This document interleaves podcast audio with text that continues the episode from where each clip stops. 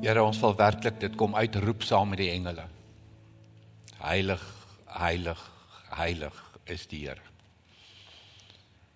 Here, in 'n oomblikke soos hierdie wat ons u heiligheid besing, wil ons ook kom sê dankie vir u liefde. Dat ten spyte daarvan dat u 'n heilige God is en van ons heiligheid verwag, Here, ja, ons kom so te kort partykeer. En daarom dankie vir u liefde en dankie vir u genade. En dankie vir vergifnis. En dankie vir tweede kansse. Maar Here kom spoor ons aan tot heilige lewens. Heilige Gees hou aan om in ons te werk, in my te werk vir heilige lewe wat U behaag. Here kom praat met ons vanaand. In Jesus naam. Amen. Nou as jy kyk na die tema wat ek nou gekies het vir vanaand, dan is daar nou net een woord wat ek wil bely. Ek wil dit regtig nou baie kliphard bely hierso voor almal. Ehm um, ek noem dit God is 'n wiskunde oor die liefde. En ek is baie diep bewus op die oomblik as dit nou weer matriek eindeksamen tyd. Ehm um, en ek ek het sulke sulke glimpses van my matriek eindeksamen wat natuurlik uiteraard eh, eh, donkie jare gelede was. Um, in my verre verlede. Ehm um, en en sekere vakke was het ek meer na uitgesien as ander. En met sekere vakke het dit baie beter gegaan as met ander snaaks genoeg. Ek dink dis heel wat van julle wat kan wat nou al daardeur is wat wat wat kan assosieer. Nou ek ek ek bely dat wiskunde was een van daai in die kategorie wat dit nie so goed gegaan het as wat ek graag wou gehad het dit moet gaan nie.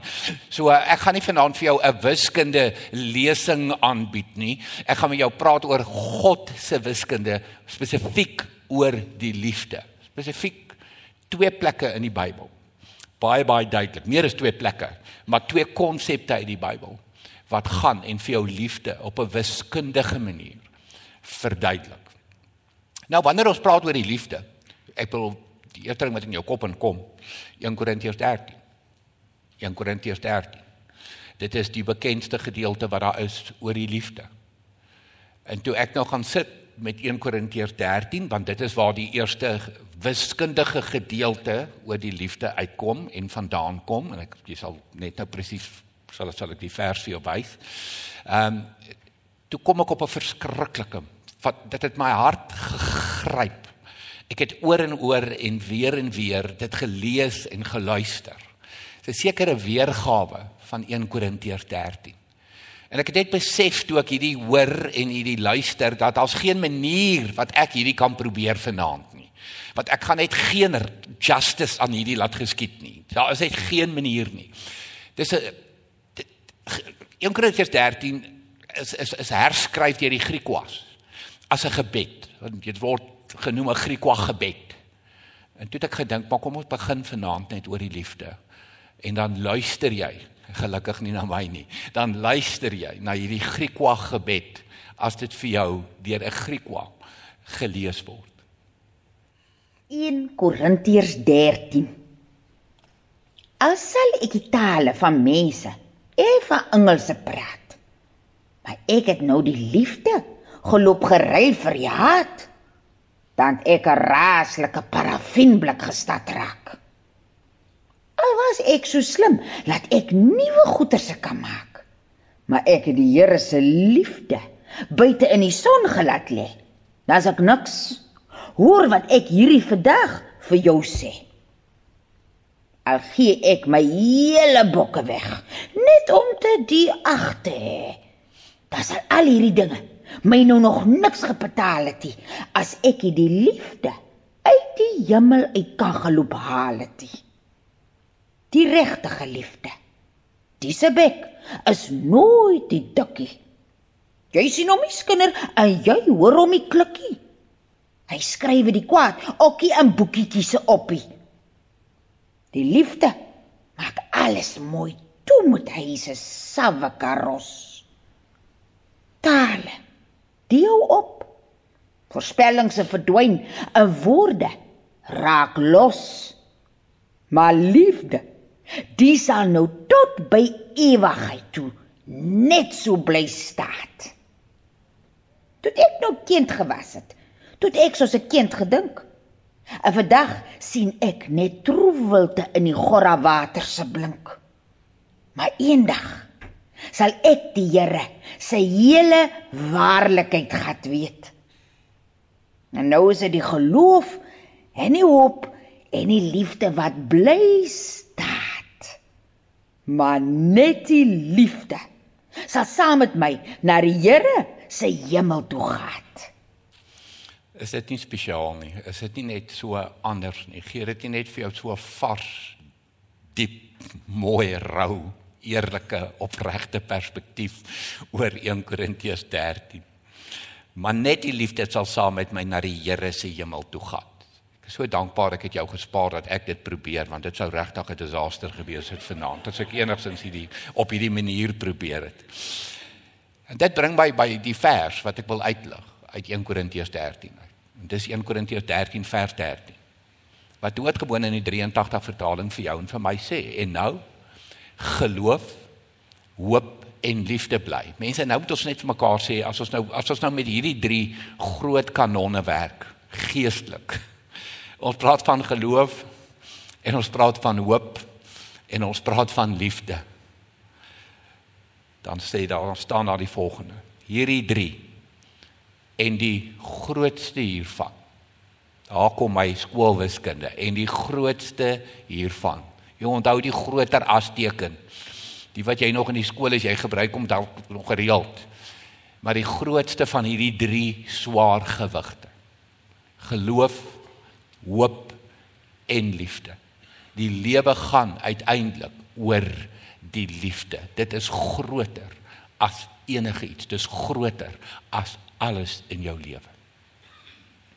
Mense, die kuns van die lewe elke dag vir my twee goed. Ek wil vreeslik graag liefde ervaar.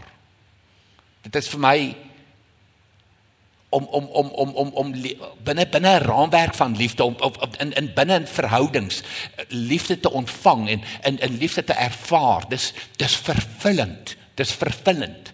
Maar dalk meer vervullend is dit is om elke dag binne verhoudings so te leef dat jy liefde kan uitdeel, dat jy liefde kan weggee. Want dit is die grootste van alles wat jy kan doen in jou lewe. Mense as God oor homself praat, dan sê hy ek is liefde. God is liefde. 1 Johannes. God is wat hy kon enigiets gekies het, maar hy kies liefde. Hoekom? Ek gaan dit nou vir jou verduidelik hoekom hy dit kies en wat hy van my en van jou uit dit uitvra dat ons kan kom by die by die by die som die die wiskunde van van van van van God se liefde as jy regtig tevrede wil wees aan die einde van jou lewe wees iemand wat liefde ervaar het in jou lewe liefde ontvang het in jou lewe mense daar's niks meer verkeerd nie ek bedoel ons is nie robotte lewenslose wesens wat met knoppies geprogrammeer word. Nee, ons het 'n behoefte aan liefde. Daar's niks meer verkeerd om liefgehet te word of te wil word nie. Maar die ander kant daarvan, van hierdie selfde muntstuk ook, om liefde uit te deel en liefde weg te gee. As jy aan die einde van 'n lewe wil kom of ver in jou lewenspad wil kom, julle wat hier sit wat jonk is eendag, onthou hierdie geheim, die grootste van alles is die liefde die ontvang daarvan, die uitdeel daarvan, die gee daarvan. Dis wat jou tevrede gaan maak. Dit is wat jou 'n vervulde mens gaan maak. Nou wat vir my belangrik is in hierdie tyd, spesifiek hierdie tyd wat ons nou in beweeg. Ons het nou so pas toe Stefan die afkondigings gedoen het, gehoor volgende week die 19de staan ons stil by die kruis, dis nagmaal Sondag en dan die week daarna is ons by die krib. Dit is die jaarlikse hoogtepunt Kerssangdiens. Ek sê altyd vir my die belangrikste ding wat ek moes gesnap het in my eie lewe vir myself is die outeur van die Kersverhaal. Wat is dit? Wie is dit? Die outeur wat hierdie hele verhaal in beweging kry en in beweging sit. Ja, die hele ding van Josef en Maria en die stal en Bethlehem en in in in Nazareth en en en en whatever noem dit. Wat wat wat maak dat dit so so vierbaar is? Dat dit so 'n belangrike mylpaal is, dat dit so 'n belangrike oomblik 'n belangrike tydvak seisoen is elke jaar. Die die outeur van hierdie verhaal, die skrywer van hierdie verhaal. Die Engels het so mooi woord, die instigator. Die een een wat alles veroorsaak, wat alles organiseer, wat alles reël, die die groot regisseur van hierdie verhaal is God self. Wat is dit wat hom in beweging kry? Want kom ons gaan net terug na hierdie tyd toe. Hoe lyk hierdie wêreld? Hoe lyk die omstandighede van hierdie tyd? Kom ons begin by Jesus se ma. Dis 'n ongehuide moeder. Is 'n ongetroude vrou wat swanger raak.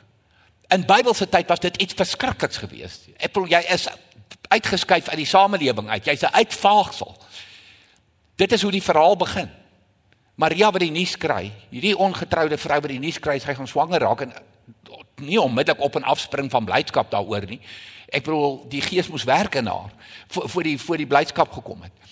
En toe nou uiteindelik die beweeg met 'n donkie ehm um, na na na na na na na Bethlehem toe want bedoel daar's nou 'n volkstelling en sulke goeters 'n swaar swanger vrou.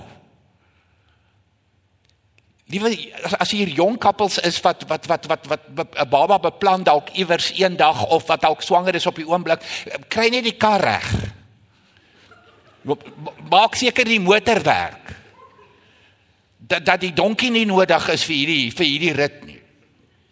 En en en en kies die dokter goed.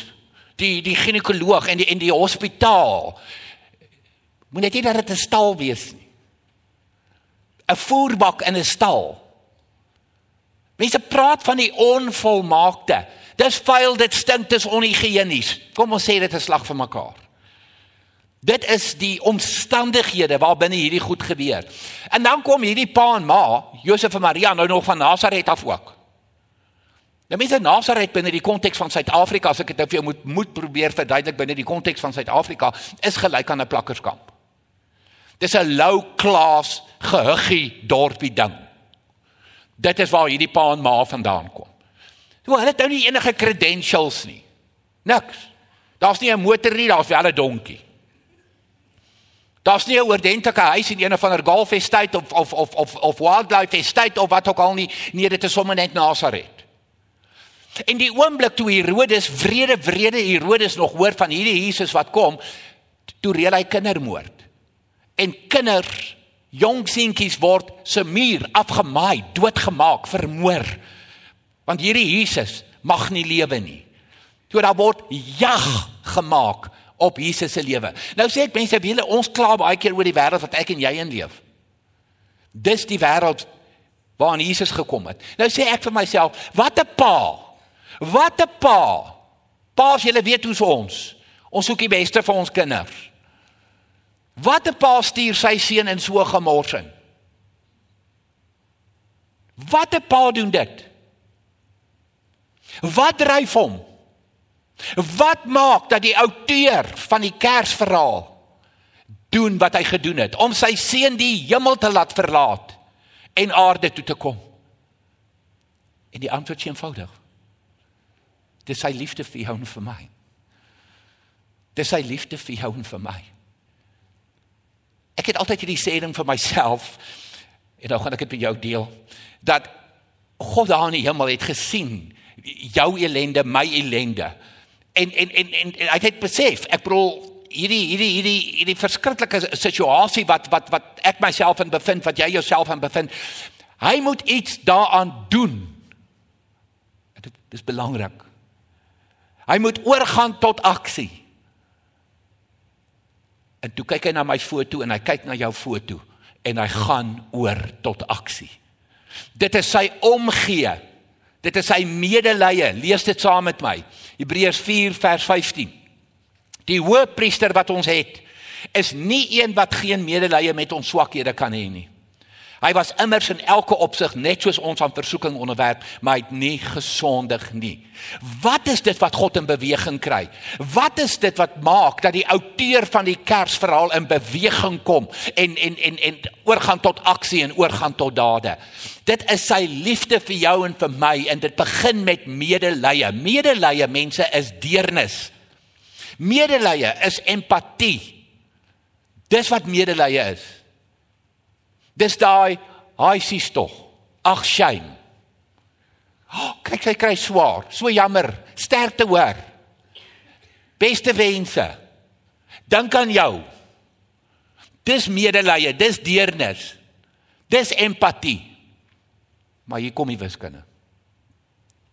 As hierdie jou nie in beweging kry nie, as daar nie 'n baie duidelike plus kom nie, is dit nie gelyk aan liefde nie.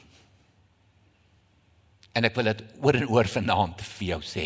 God se wiskunde oor die liefde is medelee wat oorgaan in dade. Dis medelee plus dade. Liefde is empatie plus aksie.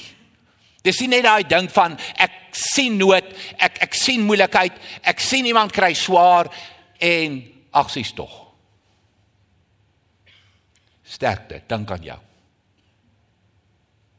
Jy het gestop by die emosie. Jy het gestop by die medelee. Jy het gestop by die empatie. Daar kort 'n plus. Die dade, die aksie sodat ons kan praat van dit as liefde, want dit is wat liefde is. Empatie plus aksie is liefde. En nou wil ek twee verdere skrifgedeeltes met jou deel wat hierdie so duidelik vir jou en vir my illustreer. En hierdie twee skrifgedeeltes wat ek nou gaan gebruik, baie spesifiek. Het alles te doen met God se liefde vir my. God se liefde vir jou wat dit vir jou baie mooi laat verstaan en baie mooi laat verduidelik. Hierdie empatie, hierdie jammerte, hierdie hierdie hierdie omgee, hierdie medelee, hierdie deernis en dan die plus doen, plus aksie, plus kom in beweging wat dit uiteindelik liefde maak. En die eerste die eerste vers is doodgewoon, ek net eers vir jou die konteks gee. Jesus het so pas die baie slegte nuus gekry. Mense, hierdie is erg. Hierdie is intens. Hierdie is emosioneel verskriklik vir hom. Dat sy vriend Johannes die Doper is vermoor. En jy weet dit is die wreedste wreedste manier wat 'n mens vermoor kan word. Ek bedoel, hy het sopas die nuus gekry. En hy kom aan land.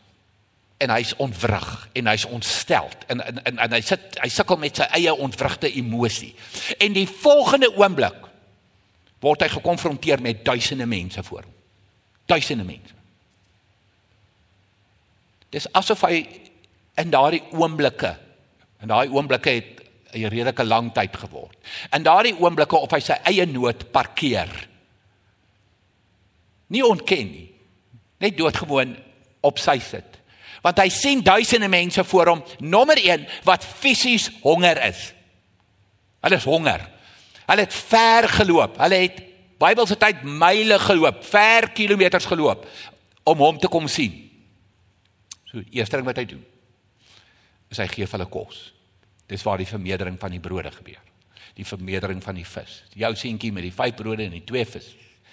Maar hy gee genoeg om. Hy kry hulle jammer genoeg om dit te doen. En die tweede ding wat hy doen, hy gee hulle geestelike kos. Hy praat met hulle. Hy vermoei homself. Hy offer op om hulle honger te stil en hulle geestelike honger te stil. Lees dit nou saam met my. Markus 6 vers 34. Wat sê? Toe Jesus uit die skei klim, het hy 'n groot menigte mense daar gesien en hy het hulle innig jammer gekry. Hoor weer, daar's die medelee. Daar's die deernis. En wat doen hy toe?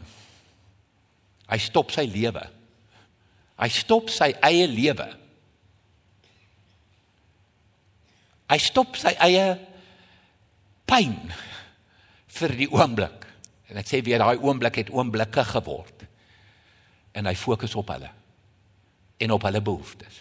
En uit die innig jammer, uit die empatie, uit die deernis kom dade, kom aksie. Hy gee vir hulle kos en hy gee vir hulle geestelike kos. En toe stuur hy sy disippels weg en toe stuur hy hierdie mense weg sodat hy uiteindelik alleen met sy Vader kan wees om weer sy eie batterye te laai en uiteindelik weer aan homself aandag te kan gee. Die tweede gedeelte, net gou 'n bietjie agtergrond weer. Mense melaatsheid vandag, dis die goeie nuus. As jy vandag as daar iewers in die wêreld melaatsheid gediagnoseer word, dit is baie behandelbaar. Die mediese wetenskap het geweldig vooruitgegaan wat dit aan betref. Ek sê altyd die mediese wetenskap is vir my een van die grootste geskenke wat God hierdie wêreld gegee het. Ehm um, maar in elk geval in Bybelse tyd was dit nie so nie. As jy malaats was, hoogs aansteeklik, daar was nie geneesmiddels daarvoor gewees nie, so daar was nie medikasie daarvoor gewees nie. Jy's nog as onrein gesien en so aan so jy's heeltemal uitgeskuif uit die samelewing uit. Eenkant, eenkant. Buite die stadspoorte. Dis waar die malaatses gebly het. Nie welkom in die stad nie. Wat wat is dit nou ook al was? Hoekom? Want jy moet soontoe gaan. Ek soek afstand met jou. En binne daai konteks lees ons in Markus 1 vers 40 en 41. Daar kom toe 'n melaatse man na hom toe wat smeekend op sy knieë voor hom neerval en vir hom sê: Dis wat hy loop op hierdie punt. Hierdie man oortree elke reël. Hy oortree elke gemeenskapssamelewingsreël wat daar is op hierdie stadium wat melaatsheid aan betref. As u wil, kan u my gesond maak. Ja die korrekte ding ons moet altyd korrek wees. Is of, om nou te sê maar weet jy jy's nou besig om 'n reël te oortree. Jy's nou besig om bietjie nou hier 'n grens te oorskry. Weet jy kom ons gaan een kant. Ek bedoel kyk wat doen Jesus. Jesus het hom jammer gekry. Hoor die medelee, hoor die deernis, hoor die empatie. Sy hand uitgesteek, onmiddellik doen hy iets. Onmiddellik is daar aksie, onmiddellik is daar beweging, onmiddellik is daar dade. En hom aangeraak. Hy raak aan 'n melaatse. Ek dink elke fariseer het min of meer 'n hartstilstand gekry in daai tyd. En hy sê vir hom: Ek wil Ek wil word gesond. Dis asof die Here vir hom wil sê, weet jy wat? Ek wil jou lief hê. Ek wil my liefde vir jou wys. Ja, kry jou jammer, maar dit gaan nie daar bly nie. Ek gaan daai een tree verder gee. Hier's my hand en ek raak aan jou teen elke samelewingsnorm, teen elke reël van die gemeenskap. Want jy sien liefde is empatie plus aksie. Dis empatie plus dade.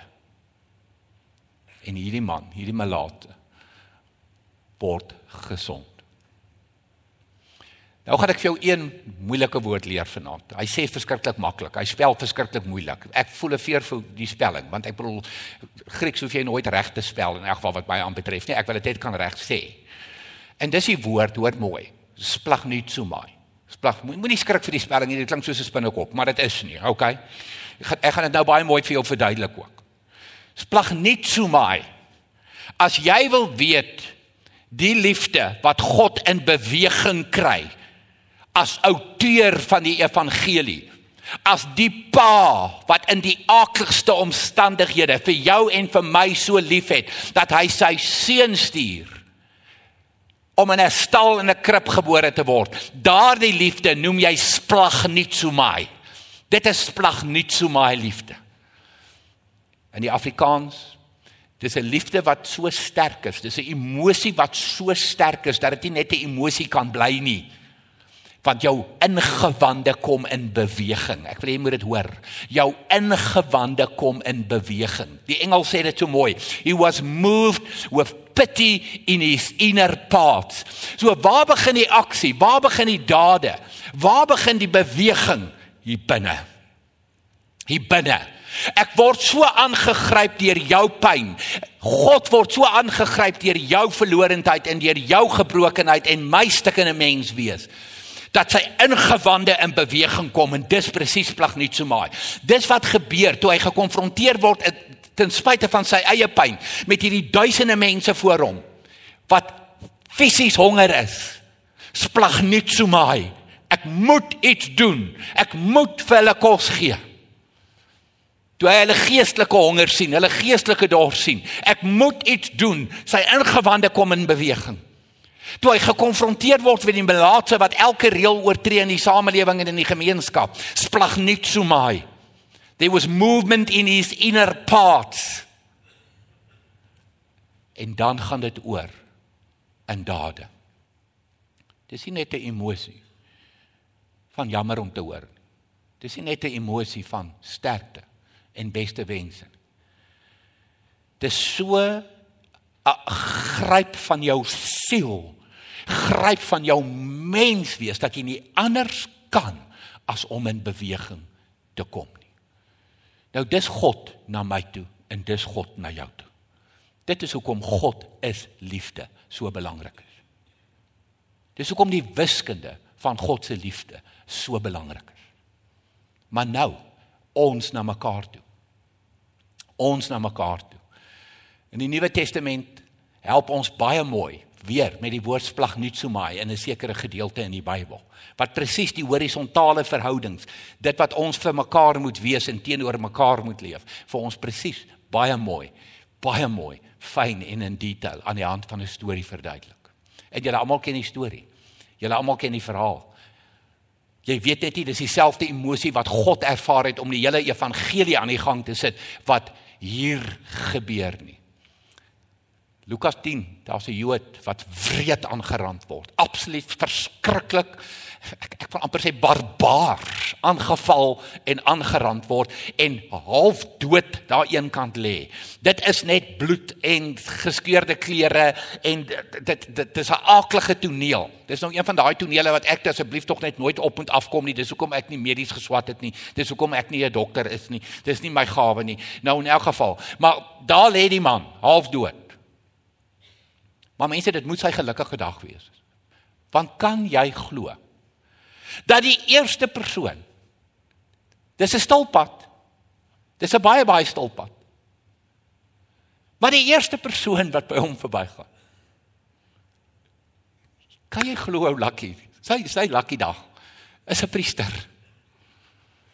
Dis die dominee of die pastoor. Kan jy hoe lucky kan mens wees? Hoe gelukkig kan jy wees?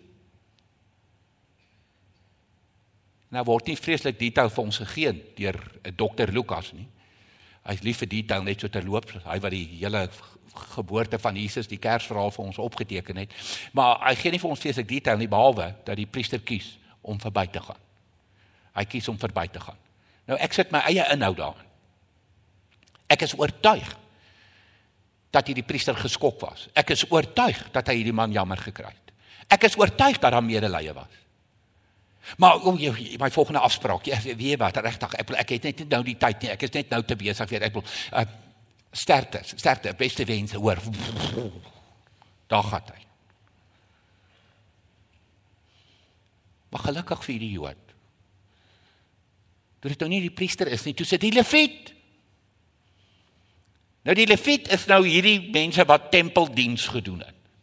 Ek noem hulle die kerklike hoofseuns en hoofdogters. In daai tyd. Ek praat nie van die ware diensknegte en diensmaagde wat in nederigheid diensbaar dien soos Jesus nie. Dis hierdie leviet wat nou so 'n bietjie eer oor homself het jy weet wil gesien word by die kerk en daai tipe van goedertjies. In in in hier gaan hy nou verby. How lekker, how lucky can you be? Maar hy stop nie. Weer. Lukas gee nie vir ons die detail nie, maar ek is oortuig in my hart. Ek is oortuig in my hart Daar was ook 'n sê tog. Haai, ek is so jammer. Ek is hierdie is verskriklik. En toe gebeur hierdie Jood wat daar lê, sy worst nightmare. Die Jode se aardsvyande was die Samaritane. Hulle het mekaar met 'n passie gehaat. 'n Jood het nie eers deur Samaria gegaan nie. En hier kom 'n Samaritaan. Die Jode en die Samaritane wat teen mekaar gebid het, teen mekaar in opstand gekom het, wat mekaar nie kon vat nie. Moenie naby my kom, ek wil jou nie sien nie. Die priester is verby. Die leviet is verby. En hier kom die vyand.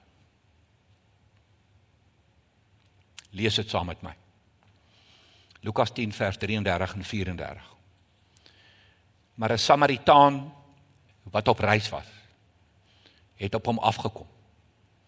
En toe hy hom sien, het hy hom splagniet so maai.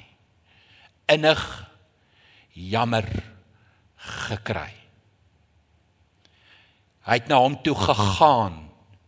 Dis amper die taal van soos Jesus na die melaatse toe. Hy het sy hand uitgesteek. Hy het hom aangeraak. Hy het na hom toe gegaan.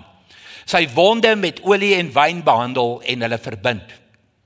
Toe het hy hom op sy rydier gehelp en hom na herberg toe geneem en hom daar verder versorg. Die vyand. Die vyand. Die ander kultuurgroep.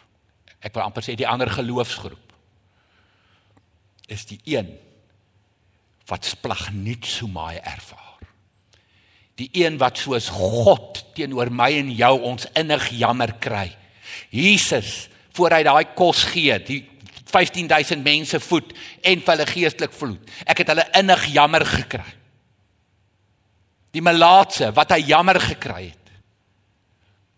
Dis wat hierdie Samaritaan doen teenoor sy vyand, die Jood. Hom innig jammer gekry en hy het na hom toe gegaan. Sy wonde ensovoorts ensovoorts ensovoorts. En julle almal ken die verhaal. Hy het hom net gelos nie. Hy het gesê ek gaan weer kom as ek terugkom. As daar enige verdere koste is, moet geen koste ontsien nie. As daar enige verdere uitgawes is, asseblief sit dit op my faktuur. Invoice vir my. Nie vir hom nie. Dit is liefde. Dit is liefde. Dit is altyd vir my vreeslik interessant dat twee van die belangrikste konsepte in die Bybel, genade en liefde. Die Here nie regtig vir ons vreeslik om definieer nie. Hy gebruik stories dat ons dit verstaan.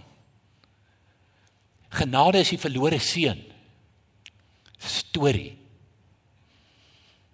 En liefde, die barmhartige Samaritaan. Ons liefde teenoor mekaar dan sê ek vir myself as ek hierdie lees en ek lees hierdie hele beginsel van splagnutsomai en God se splagnutsomai na my kant toe, dan dink ek aan my splagnutsomai na ander mense. Suid-Afrika. Hoekom lyk ons soos ons lyk? Hoekom tree ons op teenoor mekaar soos ons optree? Hoekom is daar die ergste verdeeldheid ooit wat ons nog in hierdie land gehad het? Ons verstaan nie splag nie so my. Huwelike wat verbrokkel, gesinne wat uitmekaar uitval, vriendekringe waar dit sleg gaan. Werksituasies waar daar oorlog is praat nie eens van die Midde-Ooste en van Oekraïne en Rusland nie. Waar's die splag nie so maar. Dit wat God vir jou en vir my kom modelleer het. Kom wys het. En aan die hand van die Samaritaan sê dis hoe ons dit moet gaan leef. Want as jy ons kan afsluit met God se wiskunde, nommer 1. En die grootste hiervan is die liefde en liefde is empatie plus dade en aksie. Kom ons steek ons hande op vanaand. Here, ja vir die liefde, die grootste van alles in u hart in u boek, die grootste van alles. Kom ons steek ons hand op vir medelee, vir deernis wat oorgaan in dade. Kom ons bid. Here, dankie vir wie u is. Dankie vir hoe u hierdie vir ons kom demonstreer het, kom illustreer het, kom kom net 'n voorbeeld wys het. Dankie vir hierdie verhaal van die Samaritaan. Here, hierdie Jood en hierdie Samaritaan wat aardsvyande is. En hoe splag nie so my net hierdie Samaritaanse hart gryp en sy ingewande laat ruk en hy oorgaan in aksie. Here, bring ons by daardie medelee, by daardie empatie wat ons in beweging kry. Wat ons by dade kry, wat ons by aksie kry. Dankie Here dat ons nou in 'n Kerstyd in beweeg. Danksy splag nie so maai. Here mag ons vir ander mense hierdie Kerstyd ook sinvol maak. Absoluut betekenisvol maak omdat ons plag net so maar leef na hulle toe. Ons steek ons hand op, Here, hier is ek vir die liefde. Die grootste van alles. Amen.